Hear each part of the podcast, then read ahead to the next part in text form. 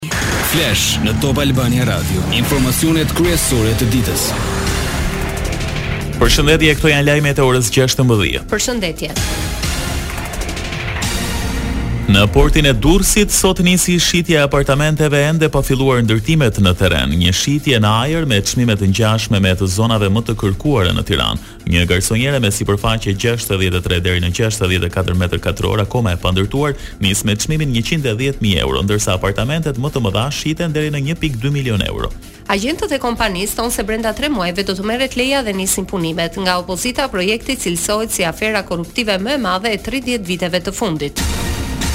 Pesëdhjetë e gjashtë për qind e të anketuarve shqiptarë pohojnë se u është kërkuar ryshfet dhe dyzet e shtatë për qind pranojnë se e kanë dhënë. Shifrat janë më të lartat në rajon sipas raportit të fundit Monitorimi i sistemit të korrupsionit dy mijë e njëzet e një publikuar nga SELDI, Lidershipi i Evropës Juglindore për Zhvillim dhe Integrim. Referuar dokumentit, Shqipëria ka presionin dhe përfshirjen më të lartë për korrupsion në Ballkanin Perëndimor për të gjithë treguesit. si për kërkimin e dhënien e ryshfetit, pranueshmërinë e rënien pre ndaj korrupsionit dhe deri në kapjen e shtetit nga bizneset.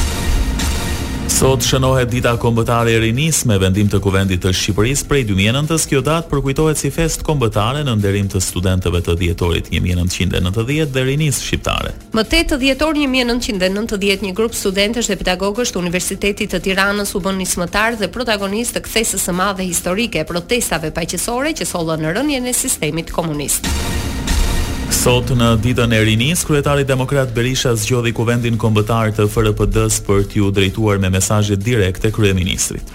Edi Rama, ky frikacak, Nxjerr një kriminel në rrugë dhe gjuan. Po një njeri mund të gjuhet, një njeri dhe mund të vritet, po kauza s'vdes kurrë mor mjeran.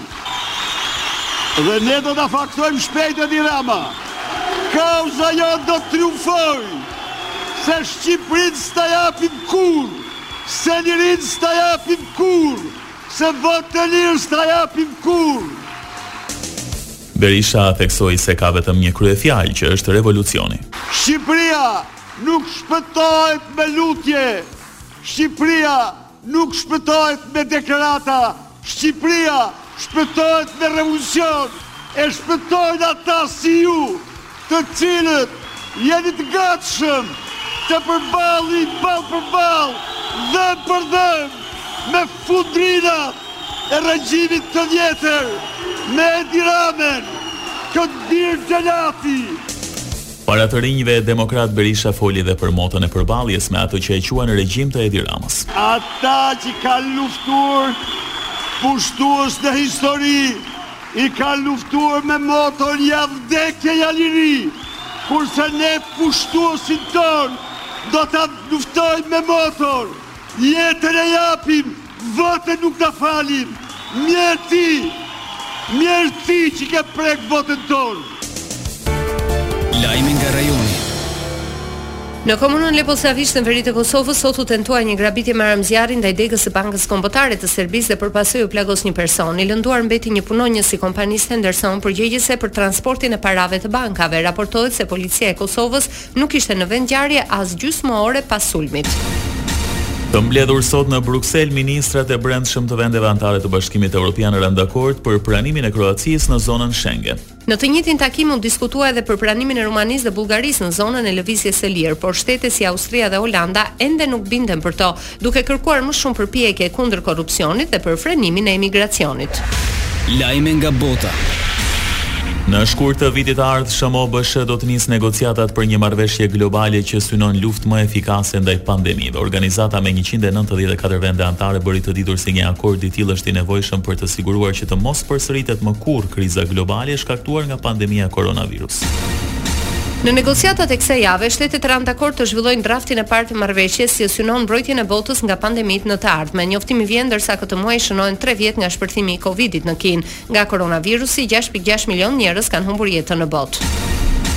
Për të parën herë në mbi 40 vjet, më shumë se 1000 punonjës të gazetës amerikane New York Times janë në grevë. Gazetarët dhe të tjerë pjesëtarë të stafit vendosën të pezullojnë punën pas dështimit të arritjes së marrëveshjes për një raund të ri negociatash Lidhur me kontratat e punës, lajmin e konfirmon sindikata e tyre. News Guild of New York, sindikata e cila përfaqëson ata që janë në grevë, konfirmoi se pikënisje kryesore ishte refuzimi i drejtuesve për t'iu rritur pagat në kushtet e rritjes së inflacionit në Shtetet e Bashkuara. Punonjësit e New York Times-it shprehen gati të bëjnë gjithçka për të fituar kushte më të mira të punës për të gjithë. Sport. Zyrtare, Federata Mbretërore e Futbollit Spanjoll sot njoftoi largimin e Luis Enriques si trajner, post të cilin e mbante nga 2018. Vendimi vjen pas eliminimit zhgënjyes të Spanjës që përballë Marokut humbi me penallti në Botërorin e Katarit. Ai do të zëvendësohet nga Luis de la Fuente, trajneri i kombëtares U njëzet e një, por pa shumë eksperiencë në stol. Gianni Infantino i kënaqur me ecurinë e deritanishme të Kupës së Botës në Katar. Fazën e grupeve kreu i FIFA-s e quan më të mirën e historisë në eventin me një cilësi të madhe futbolli. Një ditë para fillimit të Botërorit, Infantino akuzoi për hipokrizi kritikët e trajtimit të punëtorëve emigrantë nga Katari. Parashikimi i motit. Sot vendi ynë ndikohet nga kushte atmosferike të paqëndrueshme. Moti vijon me vranësira mesatare të dendura që do të shoqërohen me reshje shiu. Në veriperëndim e pjesërisht në zonën e qendrës, pasdite shirat pritet të jenë intensivë. Temperaturat variojnë nga dy në nëntëmbëdhjetë gradë Celsius. Dëgjuat një përmbledhje të zhvillimeve kryesore të ditës. Edicioni informativ i radhës është në orën 17. Unë jam Doriana Lato. Unë jam Edi Hallaçi. Kjo është Top Albania Radio.